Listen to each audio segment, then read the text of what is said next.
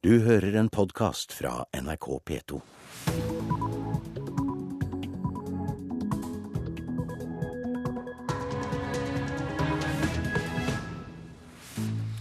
Her fortsetter Nyhetsmorgen i P2 Alltid nyheter med programleder Øystein Heggen i dag. Vi har mer om søket etter den savnede 16-åringen i Oslo. Vi får inn rapporter om det kraftige regnværet som har skapt store problemer for vei og jernbane i Buskerud. Og barn som opplever at foreldrene krangler, er mer utsatt for å utvikle angst og depresjon.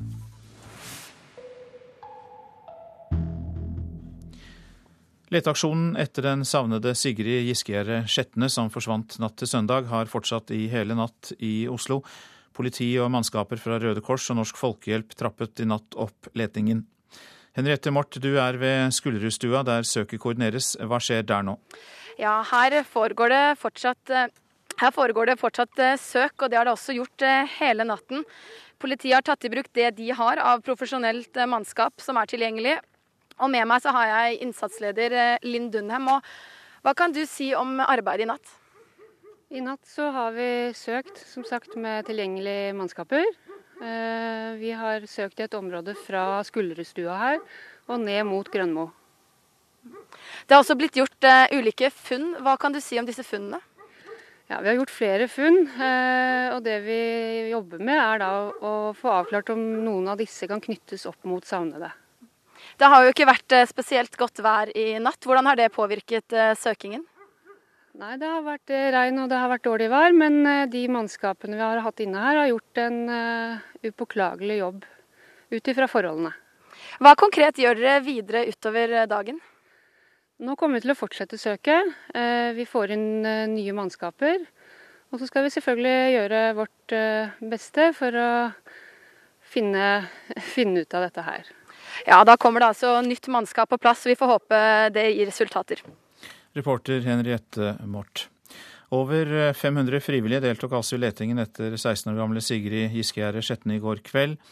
Og politiet fortsatte søket ut over natta etter at de fikk inn interessante opplysninger, sier altså Lise Dunham, som er innsatsleder ved Oslo politidistrikt. I natt har vi søkt i områder fra Skullerudstua ned mot Grønmo. I går kveld sperra politiet av et område på Skullerud etter at det ble gjort funn. Om noen av funnene er knytta til forsvinningssaken, er usikkert. Det sier Lise Dunham, innsatsleder ved Oslo politidistrikt. Vi jobber med saken og forsøker å avklare om noen av disse funnene kan stamme fra savnede. Over 500 frivillige stilte opp for å bli med på søket etter Sigrid i går kveld. Øystein Eide var blant dem som søkte ved Skullerudstua. Man har jo på en måte tanken i at man selvfølgelig håper å finne noe, og at det kan ligge noe der. Og når man løfter på en busk, så, så tenker man jo at hva kan være under, selvfølgelig. Så blir man jo båret fram av, av en større gruppe av alle som stiller, og det positive samholdet som er i, i, i de frivillige mannskapene. Mm. Rundt klokka 23 ble de frivillige sendt hjem for kvelden, mens politi og profesjonelt letemannskap fortsatt søker utover natta. I dag fortsetter både politi og frivillige letearbeidet. Reporter Kjersti Havdal. Uvær og store nedbørsmengder har i natt ført til store oversvømmelser og uframkommelige veier flere steder i Buskerud og Vestfold. Og det er vel Buskerud som kanskje er hardest rammet. Reporter Kristina Honningsvåg, du er ved Krokstad skole i Krokstadelva. Og er nå skolen praktisk talt i elva? Nei, men jeg tror ikke det var så veldig langt fra i natt. Det var enorme nedbørsmengder som steg opp fra bekken og gikk utover sine bredder. og Fortsatt er det veldig tydelige spor på at vannmengdene har vært helt oppe mot grensen til skolen. Det er masse leire på veien, og det er store dammer fortsatt. Og Ordfører i Nedre Eiker, Bent Ingeby, hvor dramatisk var situasjonen i natt? Jeg vil nøle med å si at det var meget dramatisk. Det er dramatisk når brannvesenet må bruke båt i, midt i Krokstadelva, hvor i en boliggate, for å evakuere mennesker. Det, da er det dramatisk. Og det er blitt, vi har måttet også evakuere familier som har fått vann inn i, i husene sine, var bebo, ikke beboelig. Og vi var strøm som altså, Vi er redd for at, det, at det strømmen også kunne At det var strøm i vannet, altså. Så i tillegg til det så, ble, så kom vann inn i en trafokiosk og kutta strømmen i, i, i deler av Mjøndalen. 14 familier er altså evakuert uh, i Nedre Eiker. De er nå innlosjert på hotell enn så lenge, men det kan nå se ut som nedbørsmengdene er i ferd med å trekke seg litt tilbake. Takk skal du ha, Kristina Honningsvåg. Og du hadde da med deg eh, ordfører i Nedre Eiker, eh, Bent Inge By. Statsmeteorolog Christian Gislefoss han sier at det fortsatt blir regnvær på Østlandet i dag. Altså, det vil nok fortsatt uh, gå byger, men uh, det ser ikke ut til at de vil være like aktive som de som vi har hatt nå de siste tolv timer. Hvor det har kommet veldig mye etter det vi kan se på radaren. Foreløpig så har vi ikke fått inn noen offisielle målinger, men man har jo uoffisielle målinger som tyder på at dette var langt mer enn det vi kanskje hadde tenkt oss på forhånd. Så man eh, kunne gjerne ha kalt det ekstremvær eh, på forhånd? Altså Hvis eh, de uoffisielle verdiene stemmer, så kan man jo absolutt diskutere det. Altså det vi snakker jo verdier, uoffisielle verdier her på rundt 100 millimeter på relativt kort tid. og så er det jo store områder som er blitt berørt, så sånn sett så er man innenfor kravene for å kunne sende ekstremvær. Og at folk da hadde blitt eh, varslet eh, litt bedre på forhånd? Ja, det hadde man eh, jo blitt da. Fordi når man sender ut et ekstremværvarsel, så setter man flere tiltak i gang. Altså man gir jo beskjed til fylker og kommuner, og de gir beskjed videre til diverse etater. Og, så da setter man hjulene i gang. Hva er årsaken til at det kom så store nedbørsmengder på så kort tid? Altså Det er kraftige byger som rett og slett har kommet innover området og stoppet opp. Og eh, rett og slett eh, valgt å tømme seg, kan man si. Altså det, de har ikke beveget seg vekk fra området, og det har regnet og regnet og regnet. Og, og da er det fort eh, veldig store lokale forskjeller som eh, oppstår. Og noen får veldig, veldig mye, andre får veldig lite. Hvordan er utsiktene litt lenger fram denne uka for eh, Østlandet, og kanskje spesielt eh, Buskerud Vestfold? Jo, altså det går heldigvis mot lysere tider. Nå skal vi slite med noen byger resten av dagen i dag. Og så ser det ut til at det blir færre byger allerede i morgen. Og så kan det nok by på en god del sol fremover inn mot helgen. Ja, det sa meteorolog Christian Gislefoss, som jeg da snakket med like før sending. Togtrafikken til og fra Kongsberg er stengt, og ras fører også til store problemer for busstrafikken, sier kommunikasjonsrådgiver i NSB Håkon Myhrer. Ekstremværet som eh, kom i natt har forårsaket flom og ras på både vei og tog. Eh, så Det betyr at toglinjen mellom Kongsberg og Hokksund har fått et ras mellom eh, lokalt Skollenborg og Darbu, som gjør at vi ikke kan kjøre tog på den strekningen. Det betyr at vi går over til å prøve å frakte våre kunder med buss. Og eh, flom fører også til problemer på Sørlandsbanen og på eh, andre steder på Bergensbanen. Barn som opplever at foreldrene krangler, er mer utsatt for å utvikle angst og depresjon. Det viser en ny rapport fra Folkehelseinstituttet. Sommeren er høysesong for familiekonflikter, og på Enerhaugen familievernkontor i Oslo er venterommene fulle. Det forteller leder der, Trine Eikrem. Ja, her er da kontoret. Eh, på kontoret mitt er det både en sofa og noen stoler, og veldig ofte når det er stor konflikt, så kan jeg merke det med en gang, for da setter foreldra seg langt fra hverandre. Så da har jeg på en måte en anelse. Sofaen er det ofte, det er en god start, da er de ofte mer enige. Trine Eikrem på Enerhaugen har lang erfaring med konfliktmekling med foreldre som ikke klarer å bli enige, og dermed krangler foran barna sine.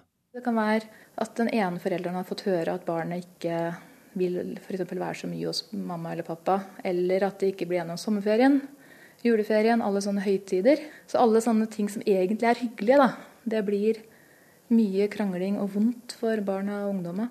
Ikke bare mens det pågår, men også på lengre sikt.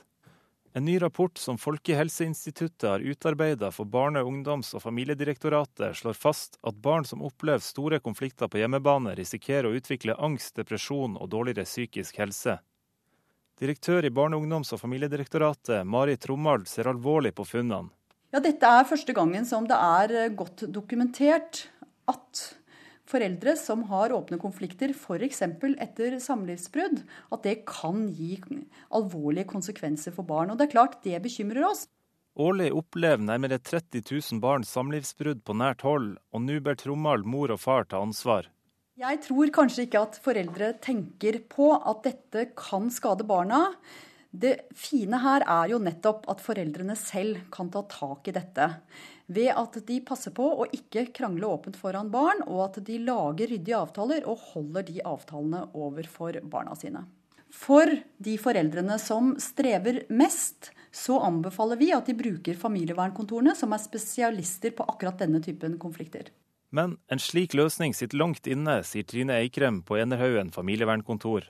Jeg tror nok de fleste syns det er ganske skummelt å komme hit. De kommer hit med det mest kanskje eh, pinligste og mest skambelagte de lever, det de lever med, som er å ikke takle det å være foreldre sammen. Da. Så vi kunne ønske at de kom når de med en gang, egentlig med en gang de merka at det her funker ikke, at de tok kontakt da, og ikke venta til det var helt krise. Denne reportasjen var laget av Ole Marius Rørstad. Ingunn Støksen, du er med oss fra studio i Stavanger, og du er førsteamanuensis ved Senter for atferdsforskning ja. ved universitetet der. Velkommen og god morgen. God morgen.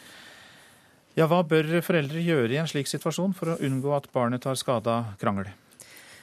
Det er jo det som ble sagt tidligere her, det å unngå å la barna være vitne til krangel mellom mor og far. Og de som har gått ifra hverandre, kan jo nytte andre former for kommunikasjon, mail, SMS, eller treffes utenom de tidene hvor barnet er til stede. For eh, som rapporten sier, så er alvorlig konflikt skade, kan utgjøre en risiko for barn på sikt. Men Bør barn holdes helt utenfor konfliktene i hjemmet? Altså å sette lokk på konfliktene kan jo også være skadelig? Det er klart at barn eh, på et vis eh, kan òg trenge å vite at foreldre kan være uenige, og at det finnes meningsutveksling. Men i den grad eh, konflikten blir vond, at den innebærer krenkelser, høylytt prat og bråk, hvis det i tillegg òg er vold, så vet vi at det er en høy risiko for at barna kan ta skade på sikt. Nå hørte vi innslaget, og du er vel sikkert også enig i at familieverntjenesten er viktig her. Men er det andre som kan bidra? Ja, på senteret mitt på Senter for atferdsforskning er vi òg opptatt av eh, andre nære voksne i skole, og barnehage og SFO. At de kan eh, representere trygge voksne for barn som opplever kriser i hjemmet. Eh, det kan være godt å ha en tredjeperson å snakke med som barna kjenner godt. da. Så vi anbefaler foreldrene å ha et godt samarbeid med med barnehage og skole ved samlivsbrudd, sånn at eh, de er klar over at barn kan slite og ha endra atferd. Mm. I den forskningen din, eh, hvordan opplever du at foreldrene forstår at konflikten kan føre til problemer for barna? Nå har ikke jeg eh, forska direkte på det, men mitt inntrykk når jeg har vært ute og hatt foredrag for foreldre, er at det, det er veldig mange foreldre som er veldig opptatt av å skåne barna sine fra konflikt ved samlivsbrudd. Samtidig så vil jo dette allikevel være et skeivt inntrykk, fordi det er gjerne de som er motiverte for, å, for barnas beste, som stiller opp på sånne type foredrag. Så jeg tror det er rett, eh, sånn som representanten fra familievernkontoret, de vil jo møte mer foreldre som sliter med konflikt og syns det er vanskelig å vite hvordan de skal klare å unngå det. Da må vi vel konkludere med at foreldre som krangler eh, åpenlyst overfor barna, bør ha dårlig samvittighet, Ingunn Størksen? Eh, det viktigste er vel egentlig at de forsøker å gjøre noe med det til barnas beste. Forsøker å dempe konflikt. Og egentlig så viser jo forskning òg at det er bra for voksne òg å leve i gode, trygge og støttende parforhold. Så det gagner jo alle å forsøke å gjøre noe med eh, konflikt og krangel. Selv om en er jo klar over at det er vanskelig, men det er jo derfor òg vi anbefaler å få hjelp utenfra. Mange takk for at du var med oss fra studio i Stavanger. Ingunn Støksen, førsteamanuensis ved Senter for eh, atferdsforskning ved universitetet der. Dette er Nyhetsmorgen, og klokka den har passert 7.17. Dette er hovedsaker. Det går ikke tog til og fra Kongsberg pga. ras på jernbanelinjen mellom Skollenborg og Darbu. Ras fører også til problemer for busstrafikken. Resultatløst søk etter den savnede 16-åringen i Oslo. Og vi har nettopp hørt at barn som opplever at foreldre krangler, er mer utsatt for å utvikle angst og depresjon.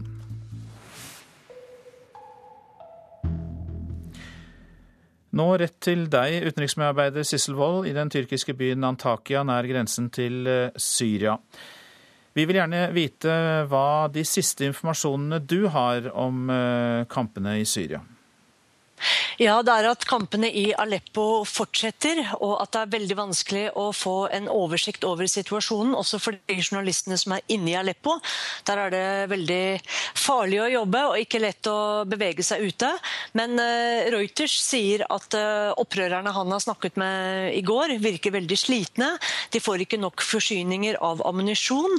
Uh, regimet er militært overlegen, som vi vet. De angriper med kamphelikoptre og stridsvogner og snikskyttere. Sånn at de har jo en voldsom kraft å sette inn, mens opprørerne mangler de våpnene de syns de trenger. Hvilken virkning eh, kan det ha hatt så langt at Syrias statsminister Riyad Hijab eh, har gått over til opprørerne? Det er en enorm seier for opprørerne, opprørerne, psykologisk. Jeg var i Syria i går og snakket med flere om dette, og de var veldig glad, de var veldig lettet. De sier at nå er det kanskje bare en måned til dette er over. Dette er begynnelsen på slutten, og de regner med at uh, hijabs avgang gjør at det er mye lettere for andre å følge etter ham. Og Det er jo også et, uh, en psykologisk seier og et tegn på at Assads regime stadig blir mer isolert. Ja, Du var i Syria i går. Hva så du ellers der? Veldig mange familier på flukt. De kjørte i svære sånn, eh, pickup-trucker, minibusser. De var på vei ut fra Aleppo. De sa at vi blir bombet og bombet, vi kan ikke være der lenger. Eh, men det er også et klart inntrykk av at dette er en mer religiøs, etnisk konflikt enn det var f.eks. i Libya. Der snakket opprørerne om at vi er libyere. Her snakker opprørerne om at vi er sunnier. Og det tegner seg klare skillelinjer mellom også eh, Erdogans eh, støtte. For Tyrkia er jo hovedsakelig en eh, sunnistat som støtter sunniene i, i, i, Syria. Og I denne ene byen vi var i, en spøkelsesby, en av de første vi traff der, var en salafist, altså en veldig ekstrem variant av sunni-islam, som kom for å prøve å, å, omvende meg til islam. Så jeg tenkte at om dette er Syrias nye eh, ledere, vel, vel, så får vi se hvordan det går. Det er jo også et sterkt inntrykk av at eh, etter Assads fall, som kommer før eller senere, så blir det virkelig et nytt kaos og store problemer å ta tak i, også etnisk og religiøst. Takk skal du ha, Sissel Wold, for at du delte disse inntrykkene fra Syria med oss i Nyhetsmorgen. Regjeringen satser for lite for å få ned frafallet i den videregående skolen, mener elever. En av Kristin Halvorsens viktigste kampsaker er å hindre frafallet i skolen, og hun bruker 3100 kroner per elev for å bekjempe dette problemet. Men Elevorganisasjonen mener det hjelper lite.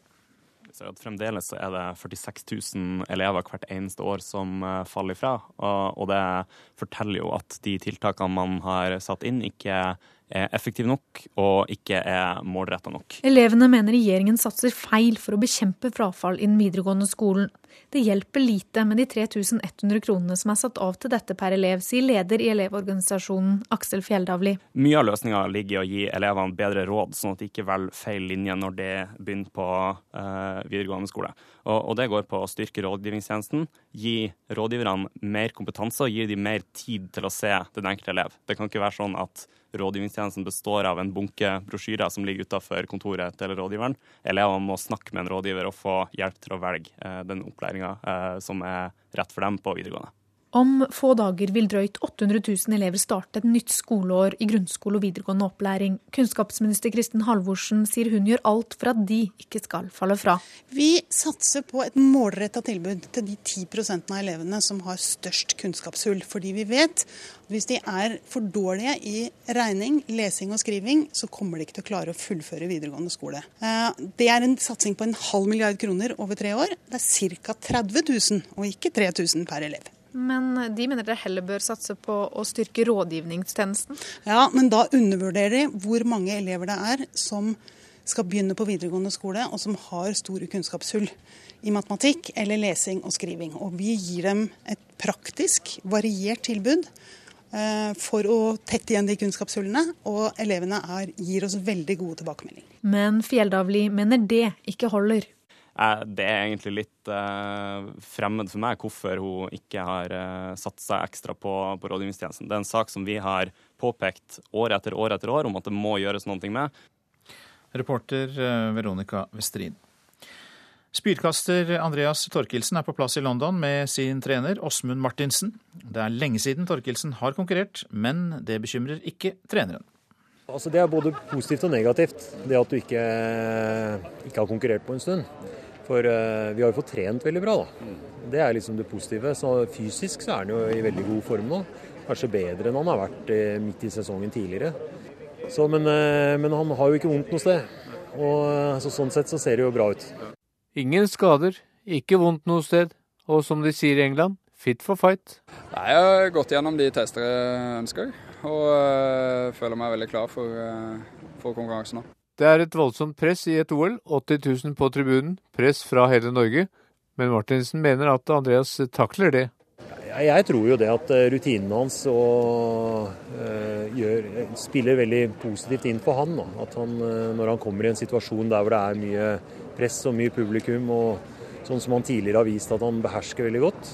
Først må jeg gjennom en kvalifisering. Det, um, forhåpentligvis så går det greit. Finalen kan alt skje. Um, nå er det jo London med litt vær og vind, så det kan jo være skal si, Lengden kan variere noe veldig. Den norske uttellingen i London hittil har vært mager. Det legger vel et ekstra press på eh, redningsmannen? Hva de andre har gjort, eh, er liksom eh, Jeg har mine målsetninger som ikke ville forandra seg ut ifra om, om alle absolutt alle de andre norske hadde vunnet, så, så, hadde mitt mål vært å vinne. Så Sånn sett så spiller ikke det så mye inn. Andreas Thorkildsen til reporter Ole Jakob Jorseth. Så til avisen i dag. Mange Oslo-aviser omtaler letingen etter Sigrid Giskegjerde Skjetne i Oslo. Må ikke gi opp håpet om å finne henne i live, sier tidligere politioverbetjent Finn Abrahamsen til Dagsavisen. 16-åringen var sent ute for første gang, skriver VG. Politiet kartlegger hvilke venner hun har, og hvilke andre som kjenner henne, skriver Dagbladet. Og det er et intenst søk etter Sigrid, er oppslaget i Aftenposten. Venninner, naboer og andre Oslo-borgere deltar. Rekord i oljeservice, skriver Dagens Næringsliv. Storleverandørene til oljeindustrien har aldri stått høyere i kurs på Oslo Børs. Det blir færre kvinner med makt, stikk i strid med ønsket utvikling, skriver Finansavisen. Bare 7% av norske toppledere er kvinner, viser ferske tall fra PR-byrået Burson Marsteller. Nestlederdebatt i Fremskrittspartiet, skriver Nasjonen. Andre nestleder Per Arne Olsen sier at rapporter om at han trekker seg, er en misforståelse. Han har ennå ikke bestemt seg.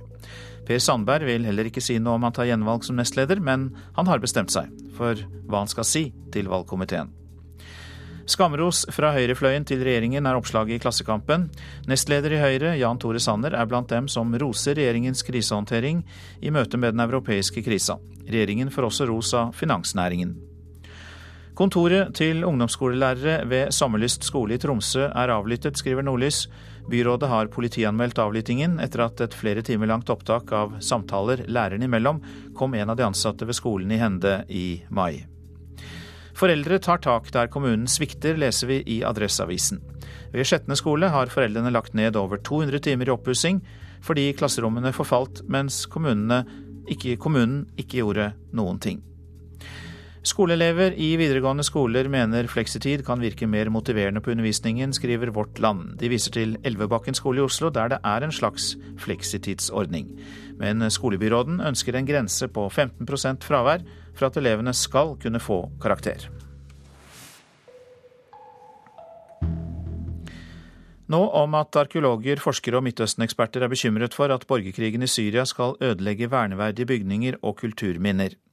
FN har allerede bedt de stridende parter om å verne områdene som er på Unescos verdensarvliste. Ja,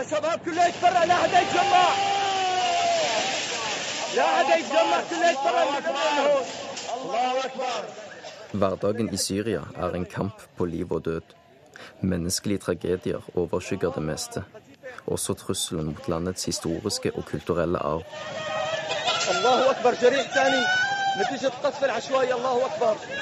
For krigsherjede syriske byer som Damaskus, Aleppo og Homs har en rikholdig historie å vise til. Og nå står flere verneverdige kirker, moskeer og kulturminner i fare for å bli skadet under krigshandlingen. Blant de utsatte bygningene er også en godt bevart borg som ble brukt av korsfarerne. Det er seks lokaliteter i Syria som står på FN-organet Unesco sin verdensarvliste.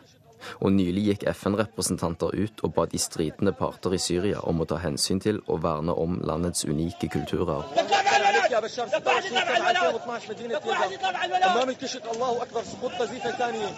Men om opprørssoldater og regjeringsstyrker kan og vil tenke på internasjonale forpliktelser knyttet til kulturvern når det utkjempes en blodig krig, er høyst uvisst.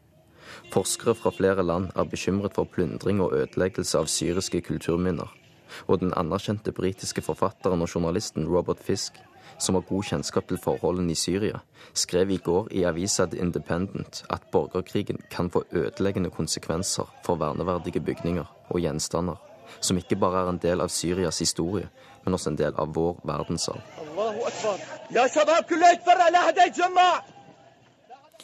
Reportasjen var laget av Dario Kverme Birhane, og mer om denne saken i Kulturnytt, eh, som eh, kommer eh, like etter Dagsnytt klokka åtte. Nå lytter du til Nyhetsmorgen, produsent Øsker Tufan. Her i studio Øystein Heggen. Etter Dagsnytt om Den sentralafrikanske republikk, et land med en gjennomsnittlig levealder på 48 år, og som er et glemt og konfliktfylt land. I Politisk kvarter skal vi høre at eh, politikere vil ha mer makt, nemlig mer makt til å bestemme prisen på nye boliger. For eh, fra og med denne uken så er Politisk kvarter tilbake etter sommerpausen. Har du noen uh, ting du mener om Nyhetsmorgen, så går det an å sende en e-post til nyhetsmorgen krøllalfa nrk.no. Nyhetsmorgen krøllalfa nrk.no.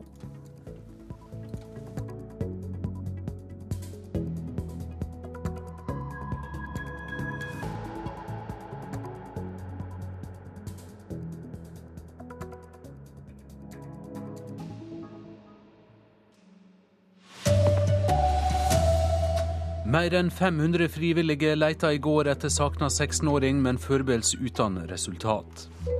14 familier er evakuerte som følge av uvær og flaum i Buskerud. Og barn tar skade når foreldra krangler. God morgen, her er NRK Dagsnytt, klokka er 7.30. Leiteaksjonen etter den savna Sigrid Giskegjerde Skjetne som forsvant natt til søndag, har holdt fram i hele natt. Politi og mannskap fra Røde Kors og Norsk Folkehjelp trappa i natt opp letinga. Ifølge politiet er det gjort nye funn, og reporter Henriette Mort, du er ved Skullerudstua der søket blir koordinert. Og Kan du si noe mer om hva som er funnet? Nei, det er ikke så mye å si. Politiet vil ikke gå i detalj med ting om funnene. Men jeg har med meg innsatsleder Lise Dunheim. Og hvorfor vil dere ikke si noe om, om disse funnene dere har gjort? Sånn ståa er nå, så jobber vi opp mot de funnene vi har gjort, for å se om noen av de kan knyttes opp mot savnede. Eh, og på nåværende tidspunkt så kan vi ikke si det. Hva kan du si om eh, arbeidet i natt? Nå er det jo et lite vaktskifte her. Vi ser det kommer nye letemannskap. Hva konkret har blitt gjort i natt? I natt har vi søkt med tilgjengelige mannskaper. Vi har konsentrert oss om området fra Skullerudstua her og ned mot Grønmo. Det har jo vært eh, ganske dårlig vær, det har regna en del. Hvordan har det påvirket letingen? Eh, letingen har gått som planlagt, og, de mannskapene har eh, stått på i natt og gjort en upåklagelig jobb. Hva vil dere gjøre videre utover morgenen? Ja, Nå har vi vaktskifte, og så vurderes det fortløpende. Men vi vil fortsette søket utover dagen. Nå har det jo gått over to døgn, og dere, lette, dere sa i går at dere leter fortsatt etter Sigrid i live. Er det fortsatt håp om det? Ja, Vi har fortsatt håp og, og vil fortsette søket. Da. Takk skal du ha, reporter Henriette Mort. Uværet Frida har skapt store problemer i Buskerud og Vestfold i natt. Både toglinjer og veier er stengt nå i morgentimene, og i Nedre Eiker er flere blitt evakuert fra husene sine. En av dem er Inger Berget. Hele haven ble oversvømt og var en stor innsjø. Så begynte det å fosse inn eh, havdøra, inngangsdøra, lister og alt. Til slutt så fløyt alt inn til leiligheten av, eh, av sølevann. Store nedbørsmengder har ført til en dramatisk situasjon i Nedre Eiker, sier ordfører Bent Inge By. Det er dramatisk når brannvesenet må bruke båt i, midt i Krokstadelva, hvor i boliggate, for å evakuere mennesker. Det, da er det dramatisk. Og det er blitt, eh, vi har måttet også evakuere familier som har fått eh, vann inn i, i husene sine, var bebo, ikke beboelig. Flommen har også fått konsekvenser for samferdselssektoren. Både jernbane og vei er rammet, sier Håkon Myhre i NSB. Toglinjen mellom Kongsberg og Hokksund har fått et ras mellom eh, lokalt Skollenborg og Darbu, som gjør at vi ikke kan kjøre tog på den strekningen. Det betyr at vi går over til å prøve å frakte våre kunder med buss. Reportere her var Berit Aalborg og Bjørn Olav Nordahl. Barn som opplever at foreldre krangler, er mer utsatte for å utvikle angst og depresjon. Det viser en ny rapport fra Folkehelseinstituttet. Sommeren er høgsesong for familiekonflikter, og på Enerhaugen familievernkontor er venterommene fulle. Ja, her er da kontoret. Så er det både en sofa og noen stoler, og veldig ofte når det er stor konflikt, så kan jeg merke det med en gang, for da setter foreldra seg langt fra hverandre. Så da har jeg på en måte en anelse. Sofaen er det ofte, det er en god start, da er de ofte mer enige. Leder på Enerhaugen, Trine Eikrem, har lang erfaring med familieveiledning og konfliktmekling mellom foreldre som krangler foran barna sine. Det kan være at den ene forelderen har fått høre at barnet ikke vil for være så mye hos mamma eller pappa, eller at det ikke blir gjennom sommerferien, juleferien, alle sånne høytider. Så alle sånne ting som egentlig er hyggelige, da, det blir mye krangling og vondt for barna og ungdommer. Og det kan føre til angst, depresjon og dårligere psykisk helse for barna. Det viser en ny rapport Folkehelseinstituttet har utarbeidet for Barne-, ungdoms- og familiedirektoratet. Direktør i direktoratet, Mari Trommal, ser alvorlig på funnene. Ja, dette er første gangen som det er godt dokumentert at foreldre som har åpne konflikter, f.eks. etter samlivsbrudd, at det kan gi alvorlige konsekvenser for barn. Og det er klart, det bekymrer oss. Årlig opplever nærmere 30 000 barn samlivsbrudd på nært hold, og Trommal ber nå mor og far ta ansvar. Jeg tror kanskje ikke at foreldre tenker på at dette kan skade barna. Det fine her er jo nettopp at foreldrene selv kan ta tak i dette.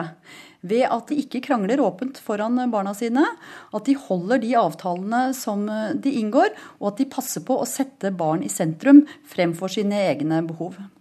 Reporter her var Ole Marius Rørstad. I Syria er begeistringa stor over at statsminister Riyad Hijab har gått over til opprørerne. Og utenriksreporter Sissel Wold, du er ikke utenriksminister, men reporter iallfall for NRK.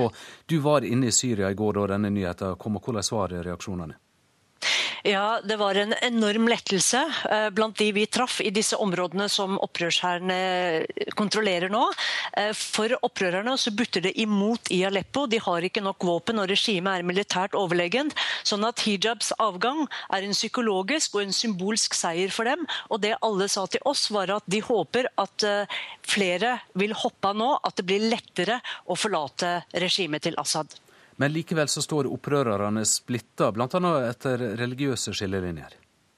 Ja, og det vi merker mer og mer her, faktisk også i Tyrkia, det er at det blir mye viktigere å snakke om hvilken religiøs retning og hvilken etnisk gruppe de, de hører til. De snakker om det er dem, det er sunniene, det er dem, det er alawitter og kristne. Og også i, eh, i Syria i går så så vi salafister, veldig ekstreme islamister, som eh, dro rundt omkring og undersøkte hva som skjedde, og som prøver da å omvende folk til islam. Syria har jo vært et veldig sekulært land. Den tiden kan være over etter Assads fall. Takk skal du ha, reporter Sissel Wold. Regjeringa satser for lite på å få ned frafallet i den videregående skolen, mener elevene. Selv om frafall er en av de viktigste kampsakene for kunnskapsminister Kristin Halvorsen, bruker hun bare 3100 kroner per elev til dette, og det hjelper lite, ifølge Elevorganisasjonen at fremdeles er det 46 000 elever hvert eneste år som eh, faller ifra. Og det forteller jo at de tiltakene man har satt inn, ikke er effektiv nok og ikke er målretta nok. Elevene mener regjeringen satser feil for å bekjempe frafall i den videregående skolen. Det hjelper lite med de 3100 kronene som er satt av til dette per elev, sier leder i Elevorganisasjonen Aksel Fjelldavli. Mye av løsninga ligger i å gi elevene bedre råd, sånn at de ikke velger feil linje når de begynner på uh, videregående skole. Og, det går på å styrke rådgivningstjenesten, gi rådgiverne mer kompetanse og gi dem mer tid til å se den enkelte elev. Om få dager vil drøyt 800 000 elever starte et nytt skoleår i grunnskole og videregående opplæring. Kunnskapsminister Kristin Halvorsen sier hun gjør alt for at de ikke skal falle fra. Vi satser på et målretta tilbud til de 10% av elevene som har størst kunnskapshull. Fordi vi vet hvis de er for dårlige i regning, lesing og skriving, så kommer de ikke til å klare å fullføre videregående skole. Eh, det er en satsing på en halv milliard kroner over tre år. Det er ca. 30 000, og ikke 3000 per elev. Men de mener dere heller bør satse på å styrke rådgivningstjenesten? Ja, men da undervurderer de hvor mange elever det er som skal begynne på videregående skole, og som har store kunnskapshull. Reporter Veronica Westrin. De norske håndballjentene kom til OL som favoritter, men i dag kan det bli bråstopp i kvartfinalen. Norge møter outsideren Brasil, og det blir ei tøff utfordring for et norsk lag som har skuffa stort så langt i disse leikene. Det virker som om jentene, altså vi alle, er klare for kvarten. Altså vi, dette vil vi. Kristine Lunde Borgersen mener de norske jentene er klare for oppgaven som venter dem klokken 11 i formiddag. Men det vi har sett av laget så langt i dette OL, kan få oss til å tvile. Vi vil jo dette laget så inderlig vel, at det skal få en god opplevelse. Det dette OL-et dette OL her har vært et mareritt fra start og til nå. NRKs håndballkommentator Unni Annisdal satte ord på det mange følte etter søndagens tap mot Spania. Riktignok spilte Norge i en tøff gruppe, men storfavorittene vant kun to av fem kamper og ble nummer fire i gruppa. Dagens motstander Brasil derimot kommer til kvartfinalen mot Norge som vinnere av gruppe A. De, de har spilt veldig bra. De har vunnet den andre puljen med masse sterke lag. De eh, spiller med glød og entusiasme. De har fått det veldig bra til. De er fysisk eh, sterke og tøffe. Vi må få i gang vårt spill og vårt tempo, så skal vi matche dem. Det sa Linn Gjørum Sulland, reporter Andreas Hagen. Og kampen den kan du høre på P1 fra klokka 11. Ansvarlig for sendinga Sven Gullvåg, teknisk ansvarlig Hanne Lunås, og i studio Odd Christian Dale.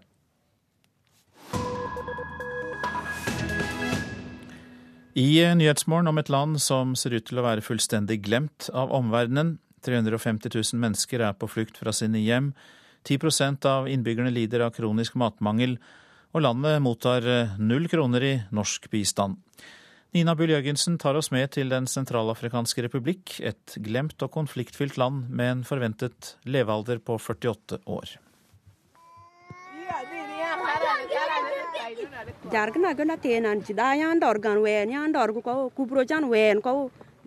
Opprørere og tyver tok alle våre eiendeler.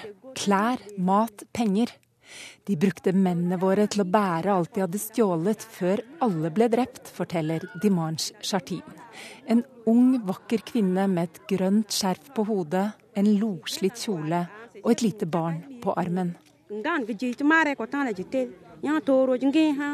De bortførte kvinnene tok oss ut i bushen i tre dager, og alle ble voldtatt, forteller Dimanche videre. I Den sentralafrikanske republikk så sliter de med det meste. Hilde Brun Andersen er lege og en av få utlendinger som har jobbet i det kriserammede afrikanske landet. Og ja, Der man, kan man forvente å bli 48 år. I deler av landet er det enda lavere enn det. Man kan forvente at barna ikke får de vaksinene de skal, sånn at eh, de med altfor mange dør av både meslinger og polio og andre sykdommer som kan forhindres. Det er en kronisk matkrise i landet. 10% av befolkningen er hele tiden alvorlig underernært. Uh, og sånn har det vært i mange år. Det er eh, konflikter um, i store deler av landet. Mange forskjellige grupper med veldig vanskelig å finne en løsning. Det er stadig vekk folk som er på flukt. Listen er fryktelig lang, sier Hilde Brun Andersen. Men uten medienes søkelys er det få som føler seg kallet til å hjelpe. Verken barmhjertige pengeinnsamlere og givere, hjelpeorganisasjonene eller de som styrer bistandsbudsjettene. Norge f.eks. gir ingenting null i bistand til Den sentralafrikanske republikk. I regionen Batamfongo er Leger uten grenser den eneste organisasjonen som er til stede. Her i flyktningleiren Kabo har det regnet mye, og området er fullt av gjørme. Folk bor tett i tett, og noen kikker forsiktig ut under de hvite plastpresenningene som gir dem skjul. They, their primary for fleeing was uh, pure fear. Um, basically, the people you see here have uh, been living in a, in a life of uh, constant torment. Du kan se frykten i øynene deres, sier Jennifer Pall. Du har allerede hørt hvorfor. Constant, continuous uh, insecurity and the feeling of uh, not being able to be comfortable in their own home. Over 350 000 mennesker fra Den sentralafrikanske republikk er i samme situasjon. Men likevel er det kun 30 hjelpeorganisasjoner i hele landet. Til sammenligning er over 12 000 organisasjoner til stede for å hjelpe jordskjelvofrene på Haiti.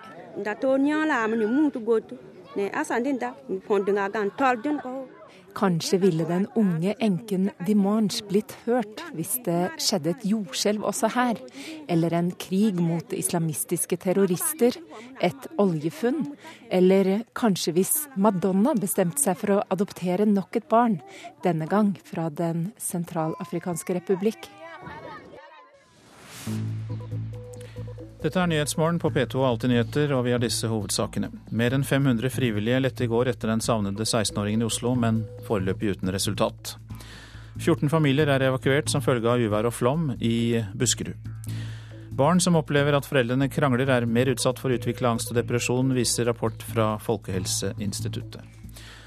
Og nå til deg, Astrid Randen, for i Politisk kvarter så skal vi høre om politikere som vil ha mer makt, nemlig makt til å bestemme priser på nye boliger.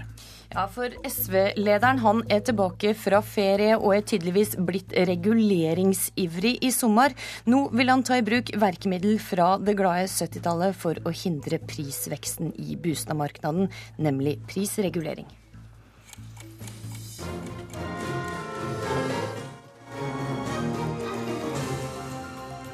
Ja, god morgen og vel møtt til Politisk kvarter, som i dag skal handle om bostad og fisk. I studio er Astrid Randen.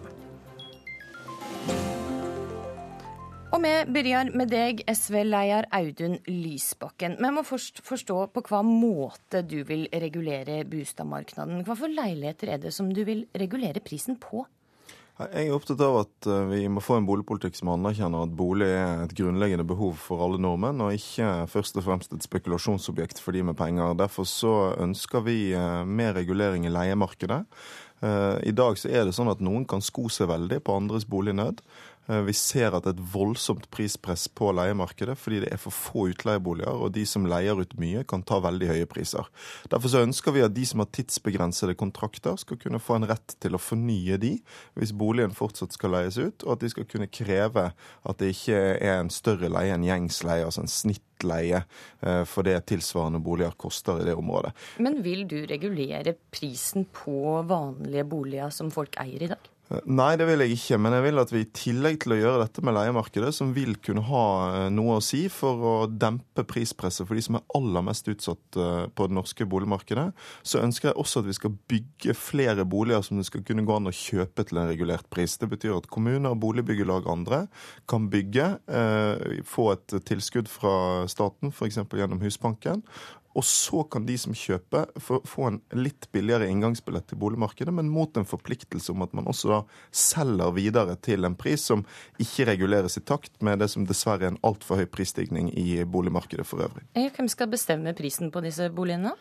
Det kan f.eks. Eh, da settes eh, lik prisutviklingen eh, i det øvrige samfunnet. Hvis vi hadde hatt en, en prisutvikling på bolig Men det skal bolig. være lavere enn prisen på vanlig bolig? Ja, den må være lavere. Vi har altså hatt siden 1993 i Norge en prisvekst på bolig på 450% og det er ikke bærekraftig. Husholdningene våre har for mye gjeld, det er en trussel mot norsk økonomi, og vi har nå en generasjon unge mennesker som risikerer å ikke komme inn på boligmarkedet. Det er en veldig alvorlig situasjon.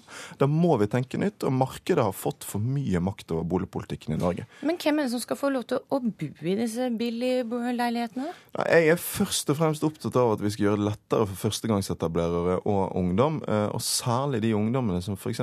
ikke har råd til å spare opp uh, betydelig egenkapital sjøl, som ikke i dag har muligheten til annet enn uh, å leie, sånn som de må i et marked der leieprisene blir presset oppover og oppover, eller å ta kanskje lån som de egentlig ikke har råd til for å komme inn på eiermarkedet. Så fattige førstegangskjøpere, altså? Altså, dette er jo dessverre en problemstilling som i dag berører langt flere enn de som er fattige. Altså mange vanlige ungdommer som er i en situasjon der de ikke har foreldre som kan gå inn og kausjonere, der de ikke har en økonomisk situasjon som de kan spare mye penger i BSU f.eks., står ofte uten egenkapital og har vanskeligheter for å komme inn på boligmarkedet. Mm. Leder i Høyre, Erna Solberg, hva syns du om reguleringsiveren til SV? Jeg tror ikke det løser det faktum at vi hvert eneste år eh, de siste seks årene har bygget 10 000 færre boliger enn det befolkningsutviklingen har.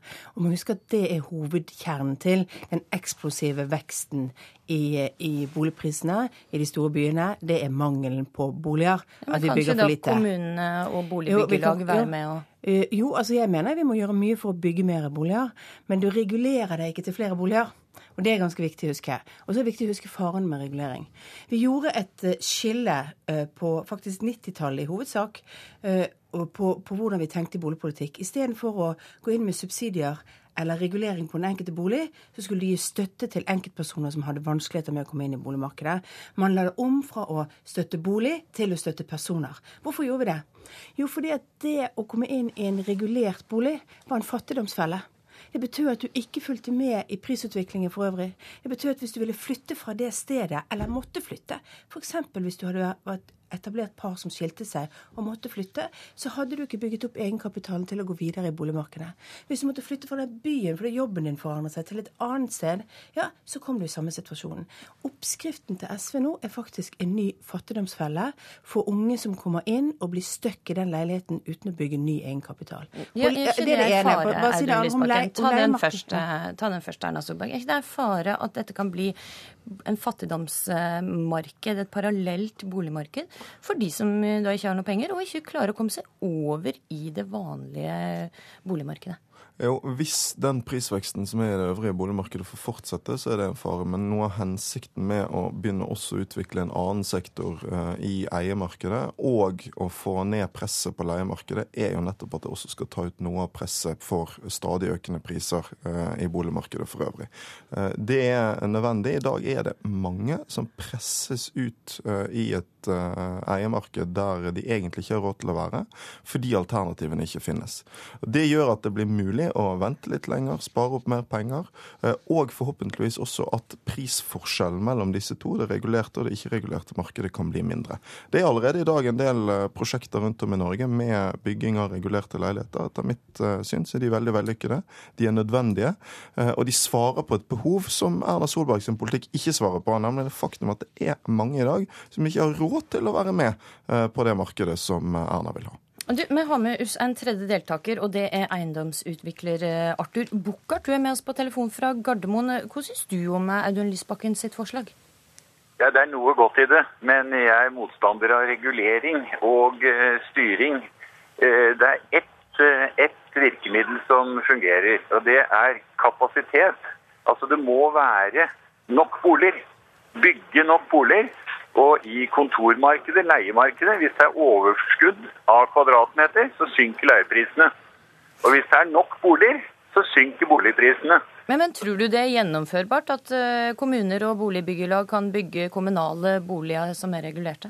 Ja, det er det ene. Altså, jeg mener jo at uh, for førstegangsetablerte uh, så burde det vært kommunale boliger som ble leid bort eller solgt selvkost og hvor det var en plikt til å levere det tilbake, og som forvalt, ble forvaltet av samme kommunale myndighet.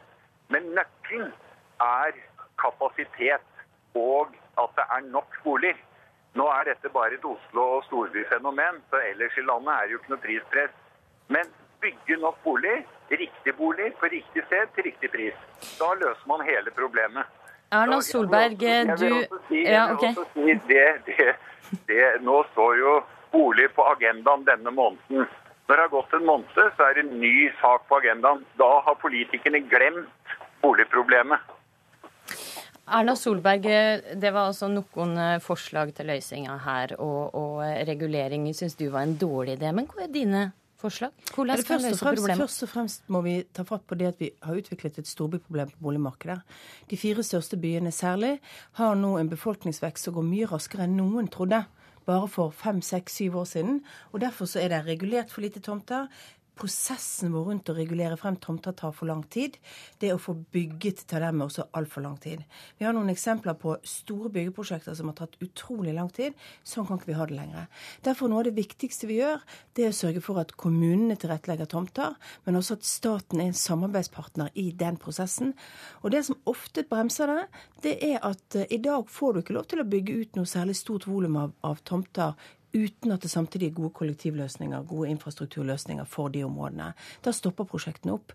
Derfor har vi sagt at vi må bygge en samarbeidsplattform mellom de fire store byene og staten for mye raskere behandling både av kollektivprosjekter og av boligprosjekter, sånn at vi kan løse ut nye, store områder med boliger. Tre av de største, fire største nye boligene, byene er Høyre-styrte. Er det dine egne politikere som feiler her, Solberg? Nei, det er det ikke. Det bygges faktisk ganske mye boliger. Det er bygget fem, eh, jeg tror det er bygget eh, nesten 36 000 nye boliger de siste ti årene i Oslo f.eks. De har men da er 22 000, de har 22 000 eh, ferdigregulerte tomter i sånn backlog. Men det som er problemet, det er jo at eh, det sannsynligvis trengs enda mer, og derfor har de satt i gang en enda større eh, gjennomgang av kommuneplanene for å få frem flere tomter i Oslo. Og jeg, så jeg sa, jeg tror vi alle undervurderte hvor sterk befolkningsveksten kommer til å være. Og med perspektiv av at hvis det fortsetter sånn som i dag, så skal vi være én million mennesker mer om 16 år. 16 år er kort tid i plan- og arealreguleringssaker. Eh, det her er vi nødt til å sette inn i et helt annet tempo. Og da er det viktige er at eh, vi må forenkle plan- og bygningsloven. Og så må vi lage rett og slett noen nye gjennomskjæringsmekanismer fra statens side. For det er altså 22 instanser fra statens side som på ulik hold kan bremse store boligprosjekter, bremse opp med innsigelser. Og den prosessen tar altfor lang tid. Lysbakken, er det et statlig eller et kommunalt problem at det ikke bygges nok- eh, nye boliger?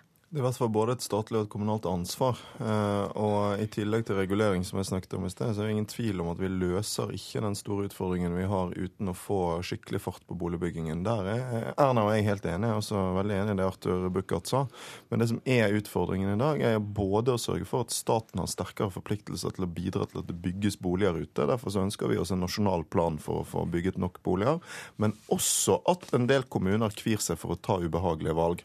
Og Der tror jeg det er riktig å peke på mange av de høyrestyrte storbyene, der det f.eks. er veldig liten vilje til å bygge i nærheten av de bedrestilte villaområdene, og det gjør at det blir for lite utbygging. Derfor, Ja, er ønsker, slik, derfor, derfor ønsker jeg meg regionale planer, eh, og det kan godt hende Erna er enig i også. Altså, hvis vi kunne fått kommunene i pressområdene til å samarbeide, ha en tydelig forpliktelse til å bygge ut nok boliger i sine områder. Se det i sammenheng, sånn at ikke storbyene er alene. eh, Så tror jeg vi kunne fått eh, til mye. Og så må staten ha ikke bare en forpliktelse til å si nei, men også en forpliktelse til å være en pådriver for at det bygges nok. En regional plan, Erna Solberg. Dette Ja, altså, fint altså ut. Jeg er mest opptatt av hva, hva dette skal inneholde. For jeg er også enig i at vi må ha en vi må ha et samarbeid mellom disse kommunene og kommuneområdene. da, For dette er mer enn bare selve byen, det er omliggende kommuner òg, og staten. Men det som er viktig at regjeringen gir signaler om, det er hva staten vil bidra med. For dette betyr at man må ha en mye høyere forpliktelse på kollektivbidragene fra staten. For det er avgjørende for å løse ut store nye områder. Det er et stort område som jeg vet at byrådet i Oslo er veldig opptatt av, i sør. Der er det ikke kollektivløsning per dags dato. Det trengs for å komme ned. Sør i Oslo kan du bygge ut ganske stort nytt boligområde.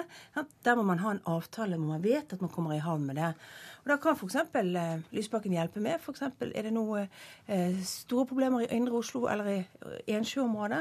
Her trenger man gjennomgang på noen av reguleringsplanene raskt. De ligger i Miljøverndepartementet. Få de vedtatt, få de gjennomført, så kommer det også flere boliger raskere. Ja, det var gode forslag. Takk for at du kom til Politisk kvarter. Kvarter. Erna Solberg, Høyre-leder, takk til det, Audun Lysbakker. Og takk til Arthur Bokart. For vi skal bort fra storbyproblematikk og over til Finnmark og fiskeri. For Arbeiderpartiet hevder Aker Seafood trikser metall og ikke leverer fisken til anleggene på land, slik konsesjonene krever. Dette er et ran av verdier, sier stortingsrepresentant Ingalill Olsen. Fiskeriministeren lover å rydde opp.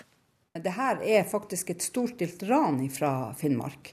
Det er et ran av arbeidsplasser, og det er en ran av Finnmarks verdier. Dette sier stortingsrepresentant og leder i Finnmark Arbeiderparti, Ingalill Olsen. Og ranet hun sikter til er manglende levering av fisk til fiskebrukene i fylket. Vi vet at eh, den fangsten som skulle vært levert i Finnmark, ikke blir levert i Finnmark i den grad. Eksempelvis i 2011 så ble bare 18% av hysa levert, og 30% av torsken. I går gikk Olsens partikollega og fylkespolitiker Roger Hansen ut og mente han kunne dokumentere at Aker Seafoods båter hadde rapportert fiskeleveranser på et tidspunkt båtene ikke hadde vært ved kai. Der er det oppgitt uh, til direktorat at man har levert fire fangster i, i 2011 på til sammen en uh, ja, borti 400 tonn. Og eh, båten har ikke vært der, så det er, en, det er, jo en, øvelse de har gjort som er helt utrolig, hvis de har klart å, å, å levere uten å ha vært til stede. I Hammerfest er ordfører Alf E. Jacobsen like oppgitt. Der spekuleres det i at Aker Seafoods anlegg vil bli nedlagt. Husk på at eh, Aker fikk denne fisken fordi at du skulle skape industriarbeidsplasser eh, på land. Og nå er det jo færre og færre industriarbeidsplasser, og veldig mange samfunn er fiskeriavhengige. Konsernsjef Olav Holst Dyrnes i Aker Seafoods sier forklaringa på det Roger Hansen har avdekka er naturlig. Det kan nok være riktig som Hansen påpeker, at det Skaid ikke har vært i, med ham på de aktuelle datoene som han har funnet. Men som Hansen burde være helt klar over, så er det slik at rederiet står jo fritt til å velge lossested for den fisken som er leveringspliktig. Det betyr at vi kan losse den fisken f.eks. i Båtsfjord og frakte den på bil til Mehamn, og på den måten så oppfylles leveringsforpliktelsen. Og Det er det som er gjort også i disse tilfellene her nå. Men tilliten til konsernet i Finnmark er på bunn. De hadde en gang god goodwill fordi de skapte aktivitet og tok samfunnsansvar. Det er ikke til stede. Aker er totalt uten tillit i Finnmark. I Finnmark så er det her eh, sprengstoff i forhold til myndighetene. Hvis de ikke får rydda opp i det her, så eh, kan jeg love at mange skal få et kjempeproblem. Fiskeriminister Lisbeth Berg-Hansen sier de er i ferd med å rydde opp. Jeg skal ikke legge skjul på at det er ikke noe enkle svar, for da har vi faktisk gjort det. Men jeg skal snu hver en stein for å sikre eh, den industrien råstoff. At eh, det råstoffet som blir fanga utenfor kysten, kommer på land for å sikre arbeidsplasser, eh, verdiskaping og aktivitet på land. Reporter Jan Harald Thomassen, det var Politisk kvarter i studio i dag. Du har hørt en podkast fra NRK P2.